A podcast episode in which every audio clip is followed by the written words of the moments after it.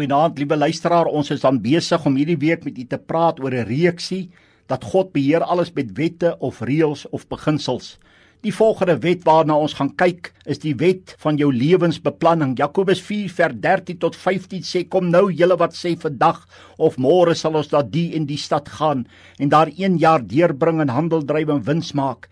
Julle wat nie eens weet wat môre sal gebeur nie, want hoe danig is julle lewe, dis tog maar 'n damp wat vir 'n kort tydjie verskyn en daarna verdwyn in plaas dat julle sê as dit die Here se wil is en ons lewe sal ons dit of dat doen.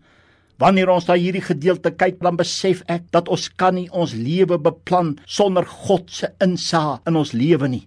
Hoe baie mense reël alles, beplan alles en dan gebeur daar dinge wat alles omvergooi.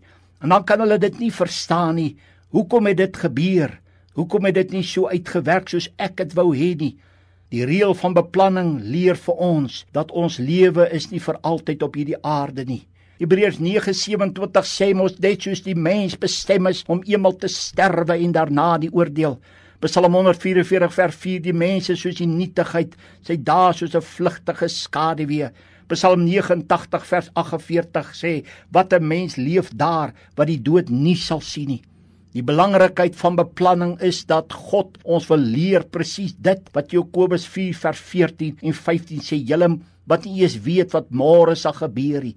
Want hoe danig is julle lewe, dis tog maar 'n damp wat vir 'n oomblik verskyn en daarna verdwyn. In plaas dat julle sê as die Here wil en ons lewe, dan sal ons dit of dat doen. Met ander woorde, in die eerste plek ons lewe is nie in ons hande nie. In die tweede plek die wil van God vir ons lewe is so belangrik. In die derde plek, die wil van God in ons beplanning is uiters belangrik. Mag God ons help dat ek en jy elke dag sal doen wat sy wil is. Kom ons kyk ook baie kortliks na die wet of grens van die tong.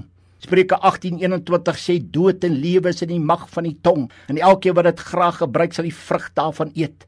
Om te dink dat daar niks in hierdie lewe soveel hartseer veroorsaak het soos die tong van mense nie. Iemand het gesê die tong is die monster agter die tande. Jakobus 3 vers 2 verklaar, want ons almal struikel dikwels as iemand te woorde nie struikel nie, is hy 'n volmaakte man in staat om ook die hele liggaam in toom te hou. Weet jy waarom moet ons in absolute afhanklikheid van God lewe? Omdat ons 'n tong het. En net God moet hierdie tong, hierdie hart van ons beheer. Mag ek en jy oorgegee wees aan God vandag. Die Bybel sê dood en lewe is in die mag van die tong en elkeen wat die, wat dit graag gebruik sal die vrug daarvan eet. Mag ek en jy seën pluk uit dit wat ons met die tong saai. Dat God jou hart, jou lewe, jou tong beheer. Laat hy ons harte skoon maak tot eer en verheerliking van sy naam. Amen.